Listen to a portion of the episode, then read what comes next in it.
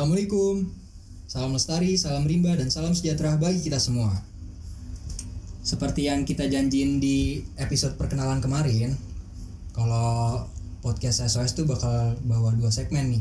Yang pertama ada Solar, yaitu SOS Belajar, dan yang kedua adalah Sogok, Apaan tuh mas? SOS Gokil.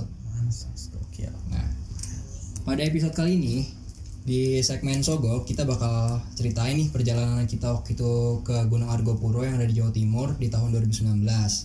Sebelum kita masuk ke ceritanya nih, ceritain dulu dong Chan awal mula lu milih Gunung Argopuro buat kita daki tahun 2019 itu. Oh, jadi sebenarnya itu kan keinginan dari lama.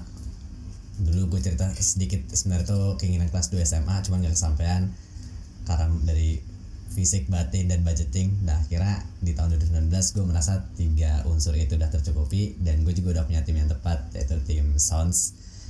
Dan ya udah, gue pilih gunung itu karena gue anggap gunung itu memiliki faktor geo uh, apa ya faktor geografis, flora, fauna, dan historis yang bisa dibilang lebih kaya daripada gunung lainnya. Iya, iya, iya.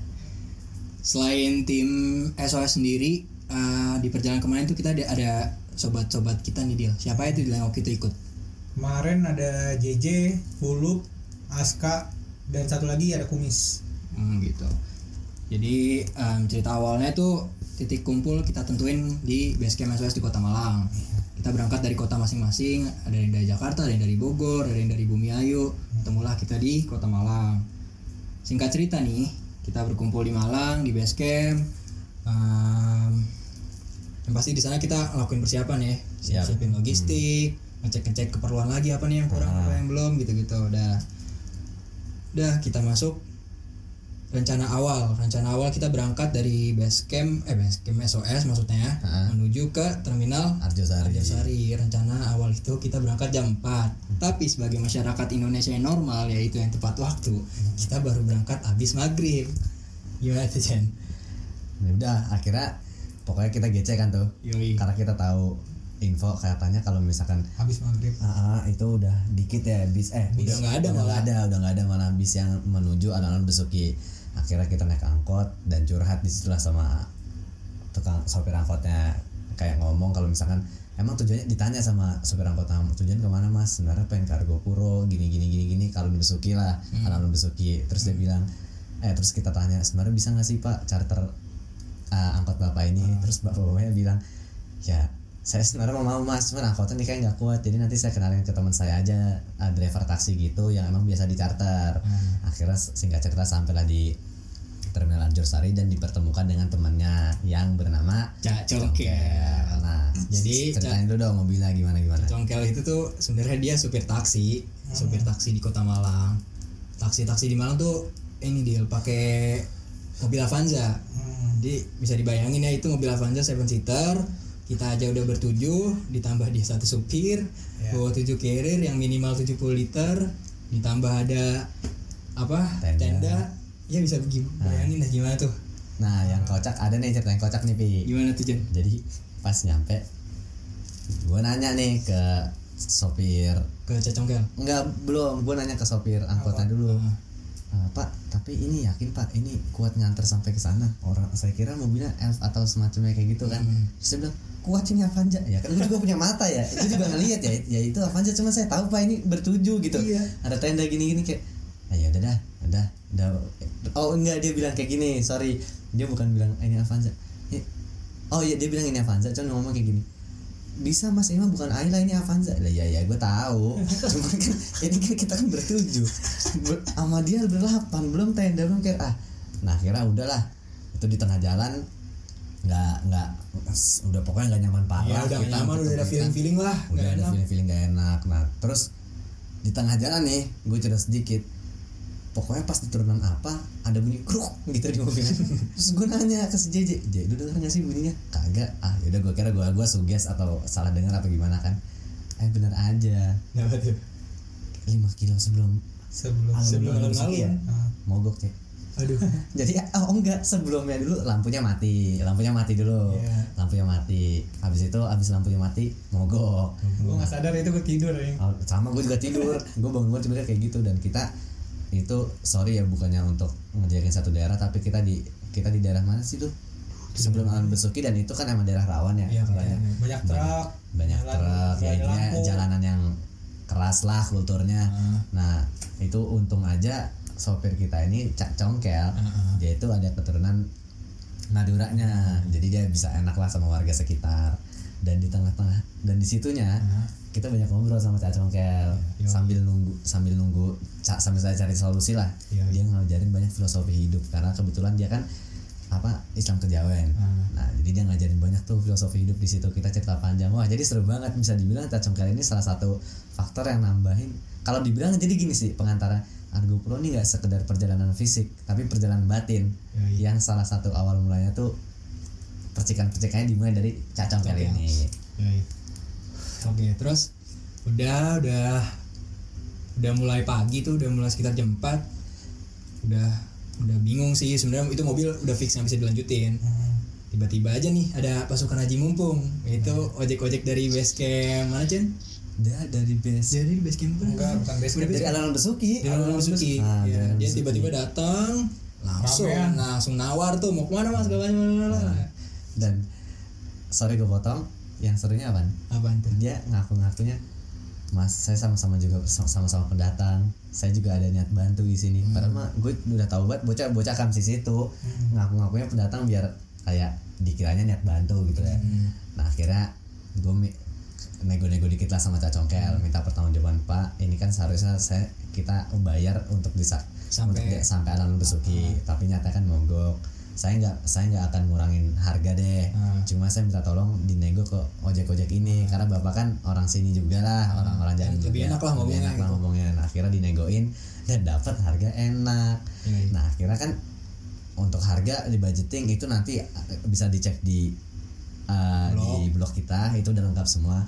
Tapi yang lucu di perjalanan kayak gini kan ada yang tericeng ada yang kagak.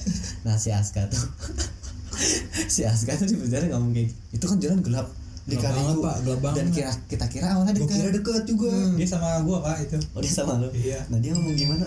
Agak emang harga awal tuh si ojek dia budgetin berapa ya? 80 apa ya?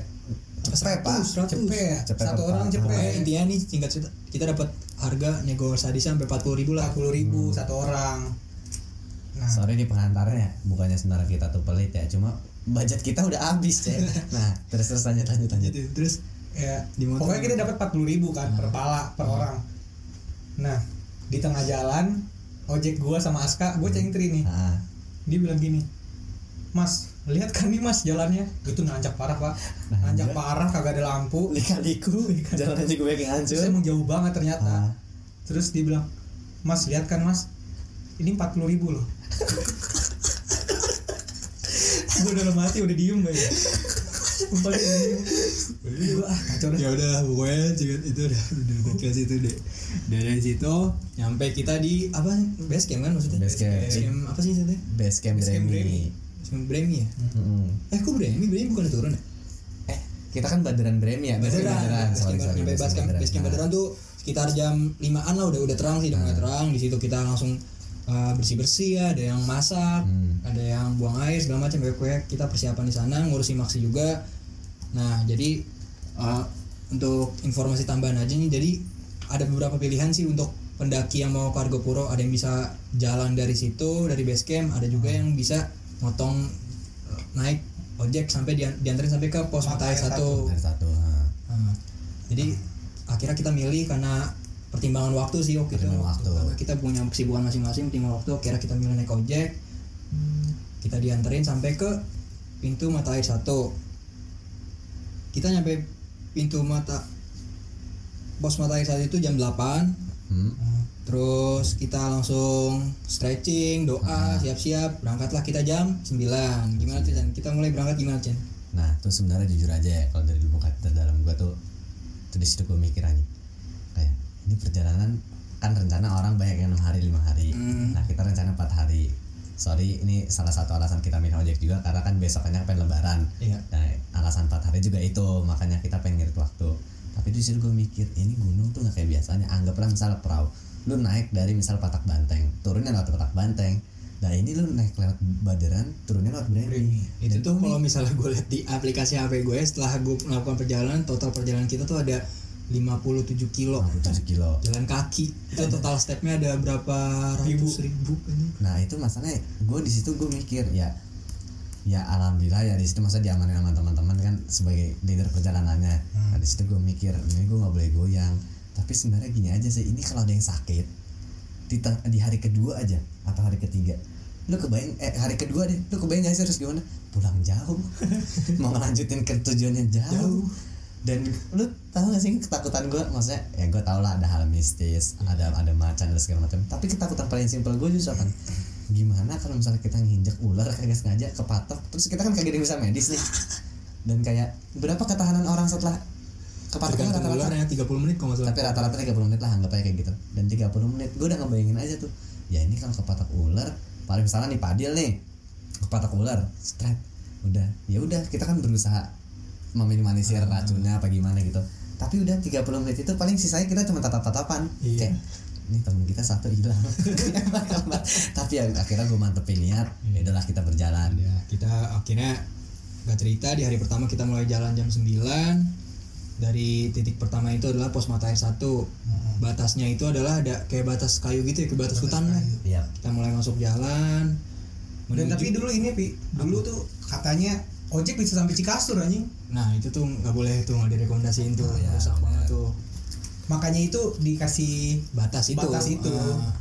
nah dari pagar itu pagar kayu tadi kita tujuan pertama itu ke pos mata air 2 estimasi perjalanan tuh sebenarnya dua jam cuman Hmm. karena kita lumayan cepat tuh jalannya si gercep ngabisin energi di hari-hari pertama Ah. sampai kita cuma satu jam 12 menit Hmm. jadi di pos mata air 2 itu beneran masih ada mata air yang bersih. Jadi kita isi lagi yang banyak kita refill air kita botol-botol kita kita lanjut perjalanan. Setelah kita istirahat sebentar lanjutin perjalanan ke selanjutnya ke Sabana kecil Sabana kecil. Sabana kecil. Gua kalau misal apa apa yang gua alamin di sana gua tuh sena- itu kan lumayan bagus ya. Allah kita juga udah seneng kayak itu bagus lah itu itu kayak ini baru pembukaan nah, gitu. pembukaan. Ini ini baru awalnya udah sebagus ini gitu tapi satu sisi kecewaan gua tuh misalnya kan di di Sabana kecil singkat gua ada satu pohon gede ya? Ah, ah nah di satu pohon gede itu diselip-selip kan kayu kan berongga-rongga tuh batang pohon tuh. Pohon tua lah Nah, kalau- ya, nah itu tuh banyak banget selipan rokok dan puntung rokok dan di situ kekecewaan gue sih. Padahal gunung seasri Argopuro aja yang jarang didaki tapi masih banyak yang buang sampah. Ya gue bukannya sok suci bukannya sok bener ya. Cuma kita menjunjung tinggi itulah kalau ada puntung rokok pun kita kantongin gitu. Iya. Jadi tapi selebihnya bagus sih bagus bagus. Kita tuh nyampe ja, nyampe di Sabana kecil itu jam 10.45 lah kira-kira. Terus istirahat bentar, ngerokok, minum. Jam 11.15 kita lanjut perjalanan ke Sabana besar. Di Sabana besar tuh perjalanan tuh melewati hutan-hutan yang cukup waktu itu sih lumayan berkabut ya. Cuman tetap terik gimana sih jelasinnya? Itu kabut, Adem lagi. Karena emang kita naik tuh pas musim kemarau. Ah. Jadi eh, penting banget tuh bawa buff tuh. Ah. Gara-gara abunya tuh. Ah, karena apa jalannya berpasir kan jadi kering Ah. jadi jadi apa debu-debunya terbang-terbangan terus Iya, dari Sabana besar nyampe kita tuh di Sabana besar jam 12.45 di sana kayak biasa lah ngambil dokumentasi, ngambil video, foto-foto. Kita tuh nggak lama-lama karena kita harus menuju pos selanjutnya itu Cikasur karena kita mau senjaan di sana, senjaan, Hai, Senjaan, bro. senja, bro.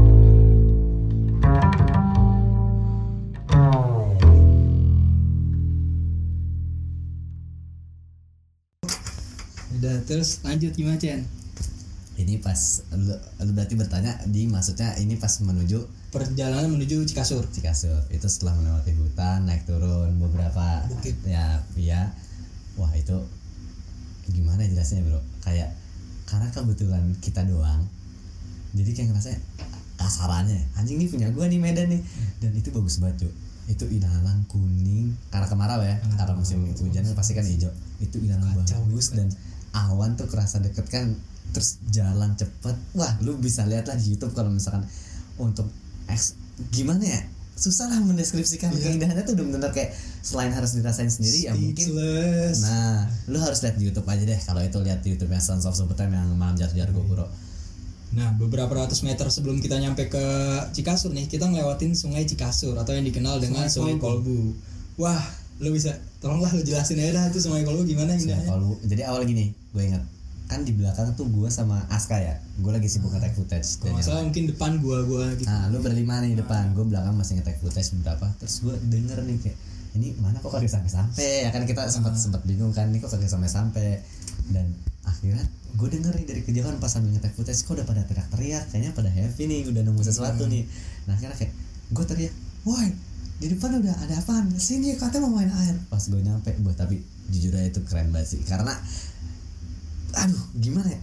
Itu di situ sungai yang eksotis ditambah lagi ada pohon gede melintang yang jatuh melintangi sungainya dan di atas pohon itu tuh banyak merak bertengger. Benar itu jadi sarangnya merak katanya. Tuh. sarang yang merak. Wah itu keren banget sih. Dan di dasar-dasar sungainya itu ada selada air yang bisa langsung lo konsumsi. Ya lu bersih bersihin dikit. Dan jujur aja itu airnya seger airnya bersih. Bah. Indah banget dah. Bener-bener dingin indah. dingin banget. Indah banget bisa lihat di YouTube juga tuh cara Kacau. kita main-main air di sana. Kayak lu bayangin aja nih, ada suara-suara alam yang asli kayak satwa-satwa liar, ada tanaman selada air, airnya jernih bersih, wah pokoknya mantep banget lah. Nah dari main-main air lumayan lama tuh kita kasihkan ya main-main air. kita sampai itu juga ya kok? Masak Iya masak situ. karena karena emang kebetulan itu tuh udah deket banget sama Cikasur jadi kita lumayan santai lah. Ah. Beratus beratus beberapa met, wah beberapa ratus meter dari situ Ah. udah nyampe Cikasur. ya lu bayangin juga pak makan kita subuh ya baru makan lagi sore Mustang juga ya Nah ini gue ada pengalaman gokil sih di sini karena gue gue salah satu orang yang pertama jalan duluan nih naik ke atas karena gue buru-buru aja pengen pengen lihat Cikasur tuh kayak gimana lagi jalan-jalan-jalan gue ngerasa di semak-semak tuh di rumput-rumput yang tinggi itu yang kuning-kuning itu kayak ini kok ada serak-serak ini hewan apa nih? Tamanya takut tamanya takut.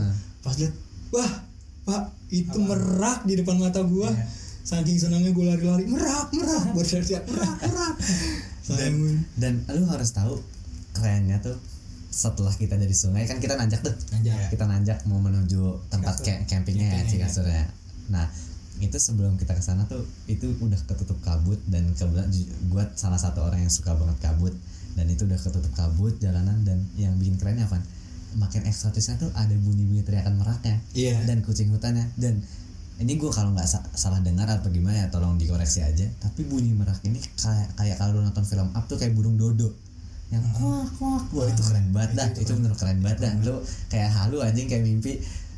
Terus akhirnya kita berjalan kan dan akhirnya nanya nih si siapa yang nanya gue lupa Chan nih mau di mau camp di mana nih? Iya, Nah, kan karena karena kebetulan di Cikasur itu ada dua pohon besar gitu nih. Hmm. Yang satu deket kayak ada bunker bekas bangunan, yang satunya rada jauh lumayan. Ah, Kira dan- gimana tuh Chan? dan jadi kan kebetulan di situ ketemu oh ternyata ada pendaki lain Pendaki lain di- bunker yang di bunker, bunker. Ah, dia dia ngecamp di situ nah terus mana Chen udah kita ambil yang pohon kedua aja Yang sepi karena lah. yang sepi karena Soalnya bener-bener nggak ada orang ya, sih biar seru aja malam kita gini-gini kan niatnya wah pasti malam ini nanti banyak bintang dan kita ngopi cerita sampai malam. Nah akhirnya Niatnya. nah, kebetulan kan gue salah gue yang pertama kali nyampe di pohon dua tuh. Pas gue naro ya, itu gue langsung yang awalnya datang ngopi kayak gini kayak gue dalam hati gue tanpa ngomong gue langsung ngomong kayak kayaknya nggak jadi ngopi dah kayak dalam hati gue udah kayak gitu tuh kayaknya akhirnya yaudah buru-buru kan kita bagi job desk tuh langsung ada yang si Aska spesialis api unggun JJ sama uh, terus ada beberapa bikin tenda ada beberapa uh, refill air juga kan dan segala macam dan eh lu kan punya ada Apa? cerita yang Ada tuh. hilang lu Ada. Itu gimana? gua pak Awalnya dari Fadil. gua sama Rapi Gimana Dil? itu gua ini kan pak pas nyampe pohon dua itu Ah, naruh carrier kan semua tiba-tiba HP gue hilang. HP gue hilang Hilang. Terus lu panik. panik lah gila Pi, Panik udah nggak ngotak tuh, jalan-jalan Iya. sendiri aja. gue jalan sendiri terus si Rapi nerakin gue dia lu mau ke mana nyari HP gue akhirnya nyari HP sama Rapi Inisiatif gue nemenin Fadil, nggak mungkin dari sendiri udah nggak bawa headlamp lagi, udah mau maghrib kan tuh. terus gue sampai Sungai Kolbu pak sama Rapi Nah. nggak nemu Ya udah udah gue udah udah yakin, udah deal. Kita nggak nyampe, lu nggak mungkin HP hilang di sini, udah balik ya balik ya balik. pas balik Pas balik, OTW balik, jalan sama Fadil tuh udah mulai, eh di mana nih, mana nih?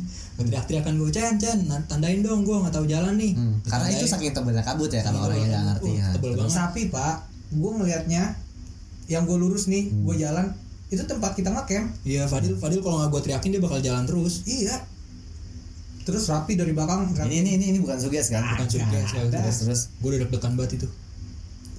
Hmm, Deal, deal. kata Rapi Kita salah jalan, udah, udah lu diem dulu, diem dulu, dia. agak pi itu bener kata gue itu di depan bocah-bocah Nah, tapi jujur ya di saat itu gue tuh ngeliat lu jelas tapi kok bisa ya lupa ngeliat gue Kagak kagak kelihatan apa, kagak kagak kelihatan Nah, Ceng. terus terus terus Pohonnya kagak kelihatan, dah tuh, terus? udah dari situ kita akhirnya si Rapi batuin gua Hmm. Hmm. Dil udah stop dulu Heeh. terus dia akhirnya teriak tuh minta tanda kan yang tadi gue Iya. bilang udah minta tanda lu tandain udah nemu jalannya kita arah jalan lu tiba-tiba manggil nih dari sama anak-anak dari daerah ada apa dari bawah pohon kan Dil, Pi, oi berhenti dulu dah kenapa di sana hujan nggak Hmm. hujan Oh, ini gue bisa cerita dari awal nih. Jadi pokoknya nih ya, nih ini lu mau terserah nih para pendengar nanti bilangnya mau suges apa apa. Pokoknya intinya gue mencoba rasional, tapi gue percaya ada hal mistis gitu aja.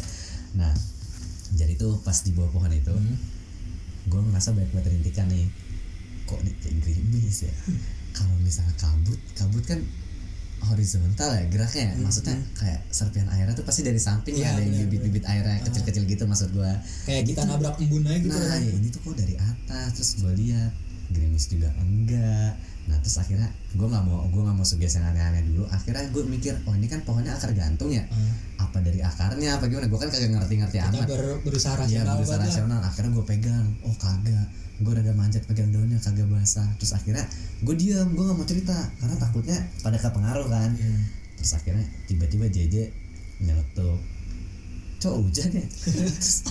Gue bilang kayak oh lu ngerasa kayak gitu emang? Gue berusaha bersantai dong iya udah deh gue diceritain mulu gini. Udah gini aja deh biar kita tahu kebenarannya dan saat setelah itu apa pun kebenarannya kita sekut-sekut aja gini aja. Kita keluar kita kan ngecamp kan persis di bawah pohon. Hmm. pohon pohon yang dua ini kan pohon gede banget. Gue itu mungkin tuh pohon apaan yang gede banget ya. Nah itu mungkin bisa buat sekitar 15 tenda kali malah ya di situ. Eh bisa di- enggak lah banyak nah, lah. kebanyakan 10 lah 10 10 10 tenda. Saking gedenya lah ibarnya nah itu akhirnya gue bilang gini ya udah gini aja. Kalau kalau memang beneran hujan kita ke- kita bertuju beneran keluar area pohon dan kita be- be- berdiam diri selama 30 detik aja nggak mungkin salah satu di antara kita kalau emang beneran hujan nggak ketetesan Hmm. nah akhirnya pas sudah dipraktekin itu nggak ada satupun yang ketetesan ini berarti di lapangan luas ya bukan iya, di bawah pohon iya, ini di luar area pohon. Kita udah keluar area pohon. Di, nah, nggak ada yang ketetesan. Nah, setelah itu kita benar-benar balik sama-sama balik ke tenda. Gue ngomong, nah udah tahu kan jawabannya apaan? Yaudah, di santai aja, gue santai, relax. tapi itu posisinya gue masih nyari HP ya iya pak Iya, it- itu lu makanya butuh butuh pembuktian gue na- dengan nanya Oh, itu. iya, iya. Ah, ah, Pi, oh, iya, Dil, iya, hujan nggak? Ah, hujan. Heeh. Ya. Nah, terus akhirnya singkat cerita, udahlah, udah bisa bik- bikin api unggun dan hari mulai malam. Hari mulai malam, udah kita ikat trash bag di atas pohon biar biar nggak diganggu babi apa gimana. Nah, akhirnya pas malam tuh gue licik juga tuh. Gue kan udah tahu tuh rada serem. gue udah tahu rada serem. Jadi kita kan ada tenda yang size 5 orang sama size 3 orang. Nah, gue masuk nih, udah eh bikinnya biar kita makannya kompak. Kita makannya deket-deketan aja. Padahal sebenarnya gue takut. Nah, jadi gue masuk ke dalam tenda yang isi lima orang. Isinya Aska, Padil, gua, Raffi, ama Kumis. Kumis. Nah, emang si JJ sama Kurut kan spesialis masak. Nah, dia kebagian masaknya di luar. gue sebenarnya dalam hati gue kayak udah pasti bocah ngerasa ini, pasti bocah ngerasa ini. Gue ngapain gue, tapi gue nggak pengen mancing-mancing, takutnya kesuges kan. Iya, iya. Pasti bocah ngerasa ini. Akhirnya udah masak, masak, masak, masak. Tiba-tiba JJ, ini JJ uh, for information aja bagi gue JJ itu salah satu orang paling baget dan cuekan orang kayak bodoh amat apa pun gas terus nggak takut apa iya apa pun ya tiba-tiba abis masak ngomong gini eh abis ini ma abis makan tidur aja kali ya terus gue tanya gue udah tahu gue tahu udah tahu kenapa kayak terus gue tanya emang apa aku tiba-tiba awalnya nggak jelas dah pokoknya nggak berani ngomong juga. Nggak jelas dah pokoknya. Akhirnya udahlah kita tidur. Tidur. nah tidur itu Ya, nah, tidur juga banyak yang keganggu lah. Hmm. nah terus lanjut pi Udah tidur karena kita ngejar waktu kan. Kita rencana besokannya tuh harus bangun pagi lagi. Heeh. kita setel alarm malah jam 5 pagi. Tapi lagi dan lagi sebagai manusia masyarakat Indonesia yang si Tepat tepat, waktu. waktu, nah, kita baru bangun jam setengah sepuluh. Nah. Jauh banget tuh dari alarm. Akhirnya kita buru-buru masak buru-buru dan ini bukan caper bukan apa ya tapi kita rada sedikit lama juga karena kita berusaha meminimalisir sampah yang ada di situ. Betul, betul. kita kalau sampah-sampah kalah yang kita kubur nah sam- mungkin ini salah apa gimana cuman gue udah nggak tahu lagi solusinya sama teman-teman. Jadi akhirnya sampah-sampah plastik atau tisu itu kita bakar. Kita bakar. karena itu gini sih awal fenomena kenapa kita pengen kayak gitu karena sebelumnya kita ngelihat banyak kotoran hewan yang di dalamnya itu tergantung plastik. Nah kayak gue mikir ya udahlah ya gue udah kaget tahu solusinya lain mungkin bisa dikoreksi kalau ada solusi maksudnya lain. apa Eh, kotoran hewan ya itu. menandakan berarti hewan pada makan sampah pak. Iya. gara-gara ulah Oh, iya. manusia iya. nah terus gue juga di situ akhirnya ya udah berusaha meminimalisir sampah. Karena kalau itu yang yang dibakar juga itu karena kita udah nggak muat lagi di TSB kita. Hmm, tapi nanti ada yang bilang pak. Apa? Itu sampah lu kali. Buset bocah enak banget ngomong. Gue sampai capek. Tapi itu emang- sampah orang gali-gali kalau bisa eh kalau mau ngeliat buktinya itu ada di Ada. YouTube itu banyak banget nah, ya, banyak. Ya kita kita bukan kita nggak ngaku pencinta alam deh ya. Pokoknya kita yakin itu hal baik aja lah. Pokoknya gitu ya nah akhirnya sih. Ya itu pukul 11.30 udah rapi semua kita balik lagi ke Sungai Kolbu turun dulu. Hmm. karena kita mau bersih bersih ngisi persediaan air lagi ngambil selada air iya. juga buat Nah, makanan buat lumayan kan. nyata sih bentar nyata bentar. eh biasa. Nah. kasih kan main air pada main lagi nyebur main lagi. Ujung-ujungnya jam setengah satu kita baru jalan. Oh, iya. padahal di hari itu kita harus ngejar target ke Sabana Lonceng. Sambil lonceng benar. Di mana tuh total perjalanan kalau nggak salah masih 8 jam tuh Hmm. dari situ. Sembilan pak. 9 tuh. Mas. sembilan. sembilan Gokil. sembilan Ya jam udah dari Cikasur. kita jalanin dulu aja ya. Jalan, kita jalan ah tujuan ini juga pak. Se- sebelum ke situ. Gimana tuh? itu di hari itu gue udah keleo ya kaki gue sebenarnya kalau gue perhatiin lah lu di hari pertama udah keseleo cuman belum sakit banget ya. sakit nah banget di hari kedua keseleo dan satu hal lagi. Kulup kalau tadi gue bilang JJ itu orang cuek kulup ini tuh orang yang gue sampai heran bukan sekedar nggak takut tapi dia tuh sampai nggak punya rasa kaget. Gue sering banget membuktikan kayak kita nonton film ho- horor yang jump scare dia tuh orangnya nggak kagetan. Bener kayak lempeng. Nggak tahu ini si psikopat apa apa. Gue nggak tahu dah. Ya pokoknya lempeng aja gitu santai. Nah ini tiba-tiba dia ngomong nih cek. Pas lagi ngetrek kan. Ah. eh kok punggung gua berat ya? Rasanya ngomong kayak siapa ke lu doang? Rame-rame gue Oh, iya? iya. Iya. dia ngomong kayak "Eh, ini kok punggung gue berat ya? Rasanya enak. Ngomong gitu mulu. Enggak udah cuekin aja. Bisa bisa bisa. Nah akhirnya gue bilang gue bilang yaudah gini coba kita cek carrier lu dulu. Ah, karena barangkali lu salah susunan jadi nggak enak. Hmm. nah karena gue juga tahu carrier dia tuh udah nggak enak apalagi kalau ditambah salah susunan pasti makin nggak enak. Nah akhirnya pas dicek lu berlima di depan gue berdua di belakang sama dia. Pas gue cek susun susunannya itu rapih pak. Dan gue gue udah tahu lah. Gue udah tahu kayak oh ini bocah kayaknya kena apa apa atau semalam ada kejadian apa cuman gak mau cerita. Karena kan kita udah bilang ya. Informasi tambahan aja nih. Jadi si Kulp ini ini adalah pengalaman pertama dia naik gunung. Ha. dan langsung ke Argo Puro. Bisa dibayangin tuh mentalnya ketatar kayak gimana.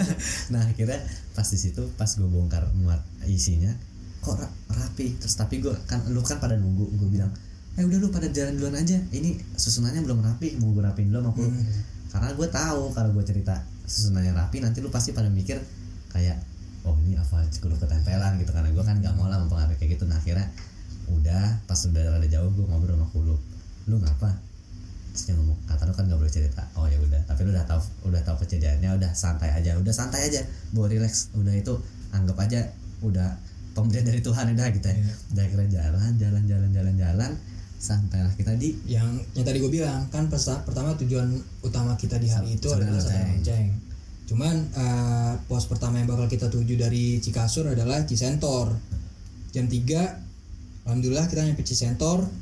Nah, informasi tambahan lagi nih di Cisentor juga ada sungai, cuman nggak bisa dikonsumsi karena itu air belerang. air darah Nah, nah. Jadi cuci cuci bersih bersih aja situ. Sih makan juga tapi ngisi. ke ski center gue itu udah kacau sih. Udah kacau. kaki gue itu udah kacau banget ya gue sampai iya. carrier gue kan digendong siapa gitu loh. Gua? Gua, gua gua sama- iya, kita pakai tongkat kayu kan. Sempet gue pegang sendirian. itu bener-bener parah pak serionya tapi itu salah satu upaya gue sebenarnya ah, kayak biar mikir nih Padil biar mikir nih walaupun dia sakit Biar itu tanggung terpacu jawab dia aja. gitu. Iya, biar barangkali dia ngeliat temennya tersiksa jadi sembuh gitu kan. Gue bukannya buat gagah-gagahan juga gue Iya. kuat ngangkat itu.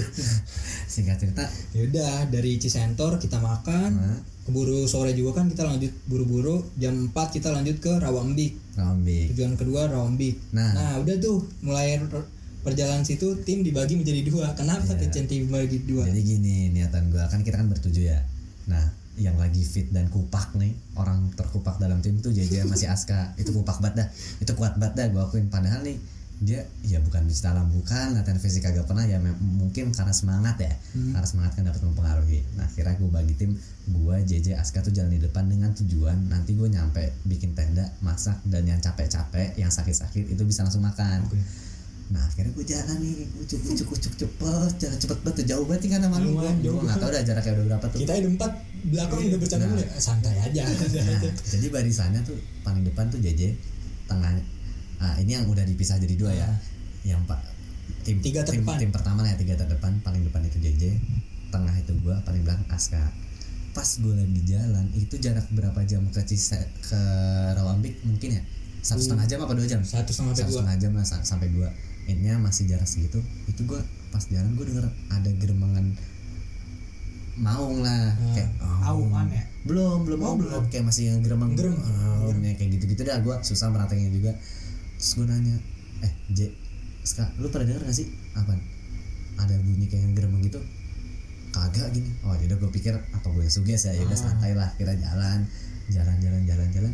Beberapa langkah setelah gue ngomong gitu itu lu tahu Tom and Jerry kan? Pembukaannya kan ada MGM tuh yang itu yang wow yang sing itu persis kayak kayak gitu. Bener-bener mungkin jarak 30 sampai 40 meter di arah jam 2 gua di balik semak-semak. Wow kayak gitu. Gitu JJ yang gue bilang cuek. Sampai kayak di film-film Cek, yang noleh pelan-pelan ke belakang mata udah getar warna merah kaki getar kayak eh, udah udah bingung mau ngapain. Terus Aska juga udah takut banget kan? Jadi kalau takut mah gue emang superhero gue juga takut kan cuman akhirnya gue mikir nah oh ya sorry. Itu setelah oman pertama itu dari jauh di bukit seberang arah jam 9 gue itu jauh lah bukitnya jauh. Itu ada auman balasannya juga. Manggil. Wah, gue nggak ngerti lah itu sistem alamnya kayak gimana. Pokoknya itu kejadian fix itu beneran kayak Jadi gitu. seberang seberangan ya. seberang seberangan nah terus akhirnya ini gimana nih gimana nih? Akhirnya ya gue bilang aja udah ya gue uh, ya gue buat nenangin apalagi ya? Gue juga soto ini jatuhnya mah cuman buat nenangin doang. Gue cuma gue cuma bilang kayak udah ya gue kalau kita panik dia tahu dia tahu dia ngintai. Udah kita bawa ngerokoknya bawa santai sambil nunggu yang belakang. Karena kan gue mikir yang belakang padil kaki sakit gue lagi kayak gitu. Ntar kalau nggak fit nggak tahu malah diterkam. Kan namanya hewan kan punya insting ya. Nah makanya gue mikir udah tungguin yang belakang aja. Udah sambil nyemok bawa santai aja. Itu cek. JJ yang namanya cuek. Bakar rokok aja nih. Pakai korek. Sampai goyang aja. Kayak kagak bakar bakar saking goyang tangannya koreknya jadi goyang. iya saking takutnya ini udah bukan tremor aja nah akhirnya udah singkat. Gue dari jauh pak. Akhirnya kan gue ngeliat lu pada. Gue isyarat lah gue simbol tangan suruh diam. Dan akhirnya ah, lu kayak ada yang pada ngangguk ke atas intinya kayak kenapa kenapa? Iya, tapi itu kagak main teriak. kode-kodean main kode-kodean dah. dan terus gue ah, si JJ ngelambangin cakar-cakar gitu lah intinya. Ada langsung mau. tahu. dan langsung nge- akhirnya di situ udah mulai kinap. Dan gue kocak di situ kan. Kejadiannya kan gue bilang gue kan paling depan kan. Ah. terus gue nanya Ci lu belakang pede gak? enggak gue jangan. Miss lu pede gak? enggak gue jangan. Terus lu lu pede gak? pede gue ah, si cowboy nih akhirnya dia paling belakang pede jalan. Dan gue mikir terus itu ini kita nggak bawa golok tebas nggak bawa alat apa-apa. Kayu juga ya kagak bakal kelawan. Pisau juga buat apa kan? Pisau ya, ini bukan kan. niatan pengen ngebunuh macan cuma kan buat jaga-jaga gitu ya. cuman dari nothing terus lah. Udah ya Allah udah jalan eh jalan jalan jalan jalan jalan jalan jalan tapi di sore itu indah banget langit ya Indah. indah itu itu salah satu yang menghibur jadi nangin diri dikit sih Kagak sih tetep deg-degan. Oh, kalau gua kalau gua terhibur dikit nah akhirnya udah headlamp jarang banget. Nah, ya, pakainya ya. flash. jadi itu itu udah suasana makin mencekam juga udah makin gelap, udah gelap menuju malam ya kan. Ditambah yang bawa headlamp tuh di antara tujuh orang cuma tiga headlamp apa empat sih? tiga apa empat ya? jadi sebenarnya bawa cuma mati, Mati. pas di Argo Persiapan mati kita tuh salah. Harus jangan ditiru teman-teman semua. Heeh. akhirnya gue pakai flash HP Hmm. HP gue iketin pakai tali di tongkat gue Tongkat. jadi kayak seret udah gue gue pakai pakai pakai tongkat tuh nerangin tapi singkat cerita di tengah nestapa yang ada rasa sakit pala beku ada si padi udah pala udah sakit banget ini lah Kunang-kunang terus udah kunang-kunang segala macem kita sampailah di Rawambik. Rawambik Di Rawambik kita nyampe jam Setengah delapan. jam setengah delapan. Hmm. Ya udah di Rawambik ada sedikit diskusi di antara kita kita Itu karena kan karena kan di rencana kita kan ngecamp di Sabana Lonceng kan. Cuman kita ternyata setengah delapan baru nyampe baru nyampe Rawambik. Nah, Ya udah ada diskusi di situ kita mau kayak gimana mau lanjut atau enggak. Alhasil kita memutuskan untuk ngecamp di situ karena kondisi yang tidak memungkinkan. Padahal nih tam-